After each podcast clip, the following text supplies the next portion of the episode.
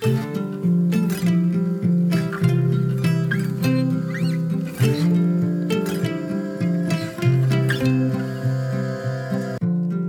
och välkommen till For Health med Anna Sparre.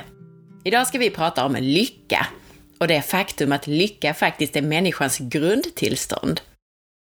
Det här är tänkt både som en tankeställare och som konkreta tips för att kunna vara lyckligare, känna mindre stress och må bättre. Dessutom så kommer vi in på saker som sömn och sockerberoende i dagens avsnitt. Men först tänkte jag påminna dig om att du kan boka mig som föreläsare, både till event för privatpersoner och till ditt företag. Maila mig om du är intresserad av det här. Jag vill också gärna att du lämnar ett betyg på podcasten i iTunes eller din podcastapp. Om du vill så passa på att skriva en recension. Tänk på att om du redan prenumererar på podden så behöver du söka fram podcasten för att lämna ett betyg. Det vill säga, du gör inte det här under Mina podcaster, utan du söker fram podden på nytt i din telefon med hjälp av sökfunktionen. Och där kan du välja recensioner.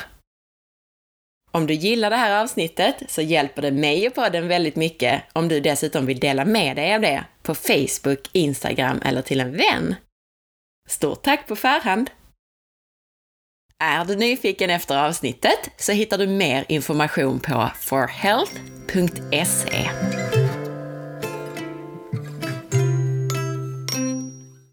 Vi ska som sagt prata lycka och välbefinnande idag. Och det blir ett lite annorlunda avsnitt, för jag ska läsa en hel del ur en bok. Det är stora delar av det andra kapitlet, eller andra sessionen som den kallas, ur boken Supercoach av Michael Neal. Jag tycker själv att det är så himla klockrent och ögonöppnande på många sätt. Men det som står här kan också hjälpa mot stress och inge ett lugn. Jag lyssnar helt enkelt och så får ni kommentera på bloggen på forhealth.se efteråt och berätta vad ni tycker. Och just det ja, jag har fått det svenska förlagets okej okay att läsa upp i podden. Låt oss se om vi får det här härliga fågelkvittret som bakgrund idag igen. Jag upptäckte att vi fick det i något av de senaste avsnitten. Mycket fågelkvitter helt enkelt. Jag har ju inte ett helt ljudisolerat rum, även om jag har hittat ett bra ställe för inspelning. Men eh, lite fågelkvitter så här på våren är väl trevligt. Hur som helst, du är född lycklig. Författaren skriver så här. Nyligen fick min radioshow ett samtal från en kvinna vars tankar var i ett förfärligt uppror. Hon oroade sig för allt och försökte lösa alla sina problem på en gång. Jag avbröt hennes bedrövelser och ställde en fråga som hon helt säkert trodde berodde på att jag tolkat henne fel. Om du hade en skål med grumligt vatten och ville göra vattnet klart, sa jag, vad skulle du göra då? Hon tänkte ett ögonblick och föreslog sen att hon kunde koka det. Jag skrattade, för jag insåg att det var exakt vad hon gjorde med sina egna tankar. Hon försökte bringa klarhet genom att jobba ännu hårdare på att klura ut allting. Som strategi betraktat är detta som att öka trafiken för att minska föroreningarna, skruva upp ljudet för att dränka bullret eller försöka bomba sig fram till en fredlig lösning. Inte för att de här strategierna aldrig har provats, det är bara det att de sällan fungerar. Om du vill göra grumligt vatten klart så måste du låta det stå tillräckligt länge för att smutset ska sjunka till botten. Anledningen till att detta fungerar är att vatten till sin natur är klart. Även sinnet är klart till sin natur, liksom människans natur är att må bra. När jag för några år sedan studerade tillsammans med supercoacherna Gay och Kathleen Hendricks delade de med sig av en metafor som belyser skillnaderna mellan vad de kallar för essens och persona. På essensnivån finns inga gränser. Vi är alla ett och samma. Djupt inombords vill vi alla samma saker. Att älska och bli älskade, att ta hand om och bli omhändertagna och att leva så lyckliga vi kan i vilken värld vi nu än föds till. Att utforska essensen är ett livslångt sökande och slutskedet i ett antal spirituella traditioner och sedvänjor. Men de flesta av oss blir så fast i personaspelet att vi går miste om den glädje och visdom som är ständigt närvarande på djupet i vår egen essens. De flesta av oss har tillbringat så lång tid med att låtsas vara vad det nu än är som vi låtsas vara. Att alla anspråk på att leva ut våra sanna jag är borta för länge sedan. Vi börjar hitta på en ny historia, en som bygger på vår underliggande medvetenhet om att vi inte är den vi verkar vara, utan att vi när som helst kan tappa masken och bli avslöjade som den fuskare och bedragare vi är. Ju mer energi vi lägger på att utveckla vår mask, desto mer övertygade blir vi om att vi verkligen behöver en. Till skillnad från essensen, vilket är något vi alla föds med, skapas våra personer och underhålls under hela livet. Först utvecklas de som en sorts omedveten reaktion på vad som händer i världen runt omkring oss. För att bättre förstå det här så kan du föreställa dig att du befinner dig inuti en lånad livmoder. Du har varit där i ungefär nio månader, så du känner dig fullständigt hemma, fastän det har blivit rätt trångt på sistone. Du slappnar av på din uppvärmda vattensäng, mumsar på chips med smak av moderkaka och sköter dig själv när du helt plötsligt, boom, känner att en jordbävning börjar skaka om din säng och att du innan du vet ordet av trycks ut genom dörren av en osynlig kraft, lika stark som en orkan. Du snubblar ut i det bländande ljuset, får en dask i rumpan av en maskerad jätte och börjar skrika. Vid det här laget är det knappast förvånande att du kanske vill sätta dig i säkerhet. Och att känna sig trygg och må bra är underbart. Men den där första upplevelsen av fara är så överväldigande att den kan göra sig påminn på nytt under återstoden av våra liv. Och vi börjar söka trygghet. Vetskapen om att vi inte är i säkerhet bara för stunden, utan alltid kommer att vara det. Så snart vi känner oss otrygga försöker vi kontrollera vår miljö och i synnerhet människorna i vår närhet för att återfå känslan av trygghet. En del av de här människorna låter oss nu kontrollera dem genom kraften i våra känslor.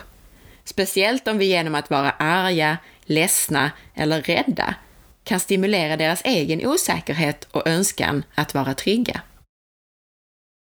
Men förr eller senare inser vi att vi inte kan kontrollera alla.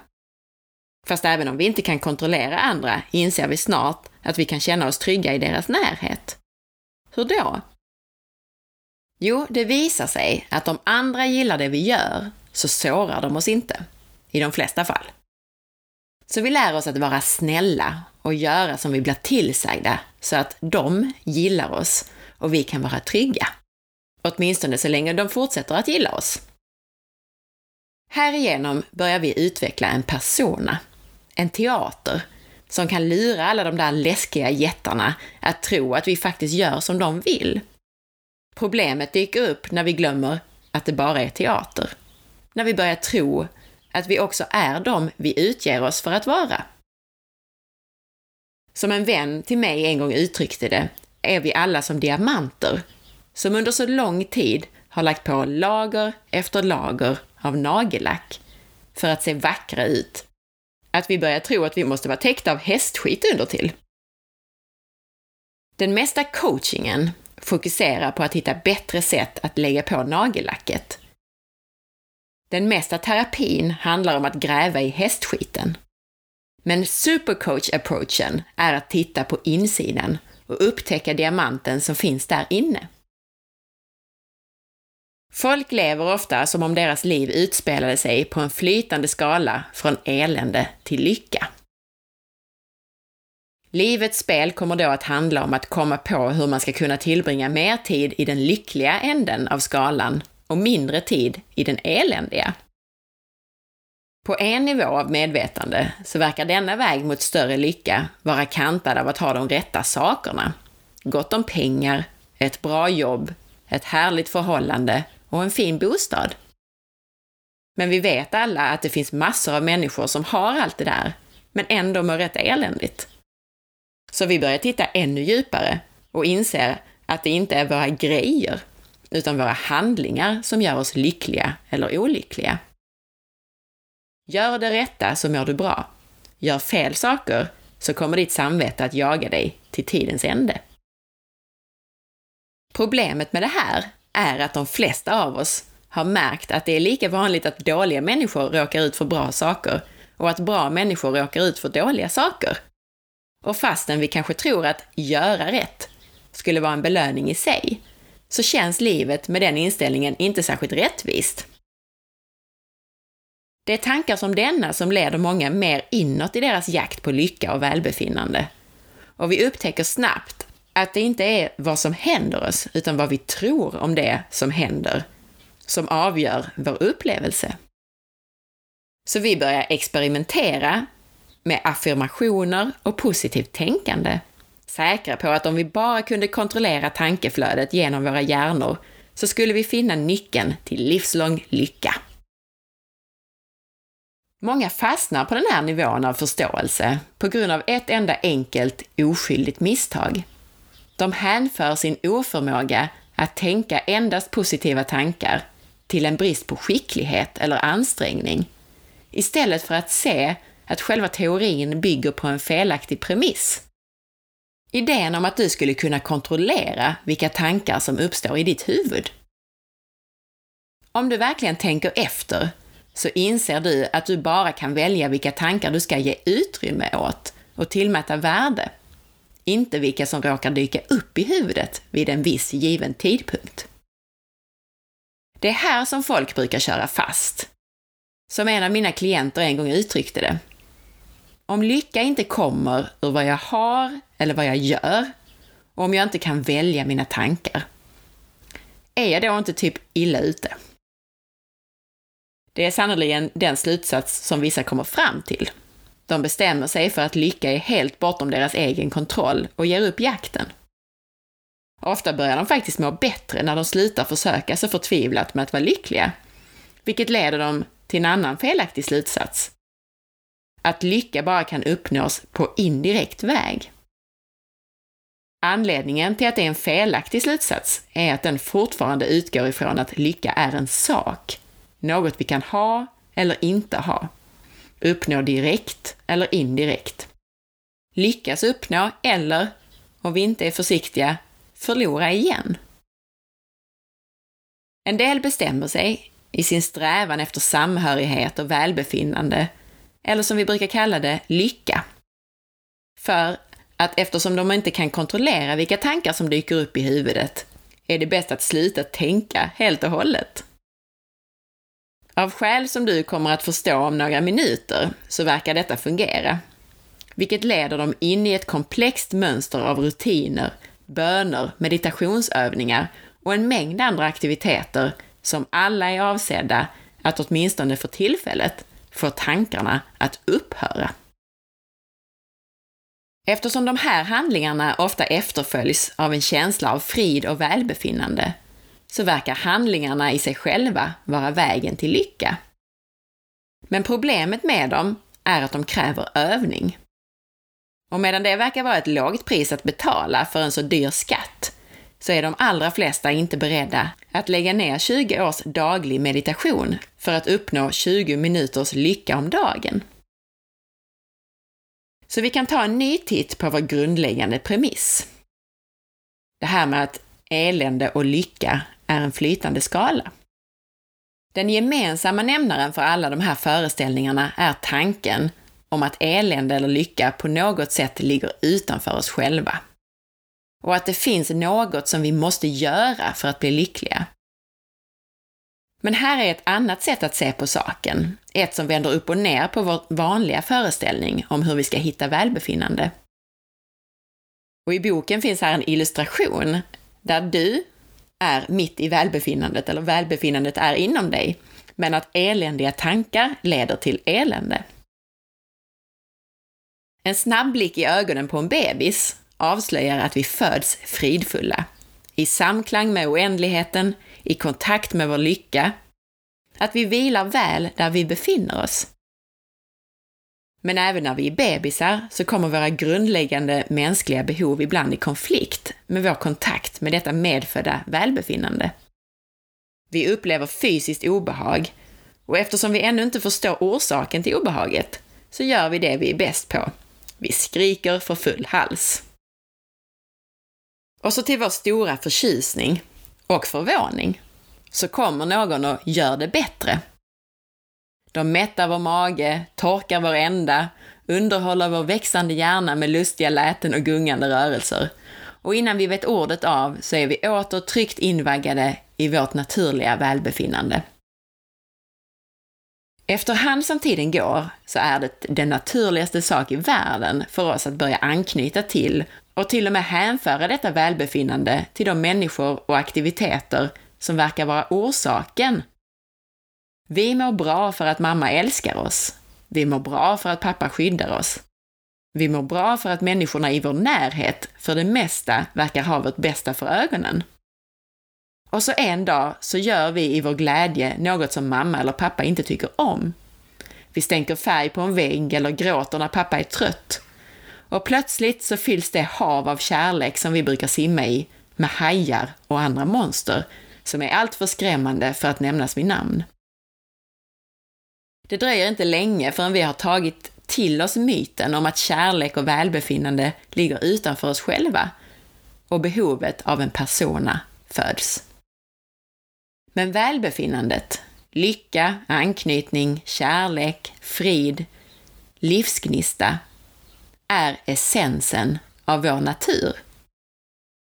Så alla försök att fånga in dessa känslor från världen utanför, oavsett hur välmenta och praktiskt lagda de är, är dömda att misslyckas. Inte för att lycka och välbefinnande är ouppnåeligt, utan helt enkelt därför att det är omöjligt att hitta något som aldrig har varit förlorat. Välbefinnande är inte frukten av något du gör. Det är essensen av vem du är. Det finns ingenting som du behöver ändra, göra, vara eller ha för att vara lycklig. Jag repeterar det här sista, för det här är essensen av det här jag läser. Välbefinnande är inte frukten av något du gör. Det är essensen av vem du är. Det finns inget du behöver ändra, göra, vara eller ha för att vara lycklig. Anledningen till att denna förståelse för källan till välbefinnande är så viktig är att så mycket av vår energi och tid slösas bort på att jaga mål och projekt och ekonomiska incitament och relationer som vi tror ska göra oss lyckliga. Och att så mycket av den stress och slitning vi upplever i våra liv kommer sig av vårt missriktade försök att få oss själva att må bättre genom att ha, göra eller uppnå de rätta sakerna. Enkelt uttryckt så kan man säga att det som vi hänför våra bra känslor till kommer att avgöra vad vi gör och vart vi går för att få mer av dem. Om jag tror att mitt välbefinnande är knutet till en viss person så kommer jag att göra alla möjliga saker som jag annars inte skulle göra och ställa upp på saker som jag annars inte skulle ställa upp på, bara för att få vederbörande att stanna kvar. Om jag tror att mitt välbefinnande är knutet till mitt jobb eller min inkomst, så kommer jag att överinvestera i det jobbet och till och med begå våld på mina värderingar för att behålla eller förbättra det. Om jag tror att mitt välbefinnande är knutet till mat eller droger, så kommer jag att göra vad som helst för att få tag i den maten eller den drogen nästa gång jag behöver en ny kick av bra känslor. Och nu inflikar jag, Anna alltså, en kommentar här för dig som är sockerberoende. Jag upprepar det här allra sista för just dig, eftersom det kan ge en viss förståelse för vad ditt beroende och ditt ätbeteende kanske faktiskt kan vara. Alltså om jag tror att mitt välbefinnande är knutet till mat eller droger så kommer jag att göra vad som helst för att få tag i den maten eller den drogen nästa gång jag behöver en ny kick av bra känslor. Allt jag tror på kommer att fortsätta verka vara sant. Världen är vad vi tror att den är och när vi intalar oss själva att alla de här sakerna kommer att göra oss lyckligare, så gör de det. Åtminstone ett tag. Men när du börjar förstå att välbefinnande är din sanna natur, inte ett mål som ska eftersträvas, så inser du snart att allt du behöver göra för att få tillbaka det är att vända uppmärksamheten från utsidan och inåt. Och jag avslutar med att upprepa, alltså jag, Anna, avslutar med att upprepa Välbefinnande är inte frukten av något du gör, det är essensen av vem du är. Det finns ingenting som du behöver ändra, göra, vara eller ha för att vara lycklig. Jag tycker att det här är ett bra mantra för dig som upplever stress eller sömnproblem. Visst är det lugnande att inte behöva göra något egentligen? Att inte behöva sträva efter lycka? Och du kan till och med formulera om det för sömn. Till exempel så kan vi säga att sömn är ett mänskligt grundtillstånd. Det finns inget du behöver ha, vara eller prestera för att kunna sova. Så vad säger du? Jag hoppas att du uppskattade det här lite annorlunda avsnittet och att det gav dig en tankeställare. Kommentera gärna! Jag hoppade lite i kapitlet när jag läste och hoppade över några bitar. Men önskar du läsa hela boken så heter den Supercoach och är skriven av Michael Neal. Tack för att du lyssnade! Jag hoppas att du gillade avsnittet. Nästa vecka så kommer jag att berätta om järnbrist och blodvärden, dålig andedräkt, candida, sötsug och lite annat, när jag svarar på önskemål och frågor från er lyssnare. Så missa inte det! Och om du gillade podcasten, så glöm inte att dela med dig. Missa inte heller att följa med på bloggen på forhealth.se. På Facebook så kan du följa mig och forhealth på facebook.com forhealth.se där ser du alla inlägg som publiceras på bloggen och lite annan information. Och på Instagram så kan du följa mig via signaturen asparre. Där ser du, förutom information om podcastavsnitten, också en del matinspiration och livsstilsinspiration överlag. Ha en riktigt fin dag, så hörs vi snart igen. Hejdå!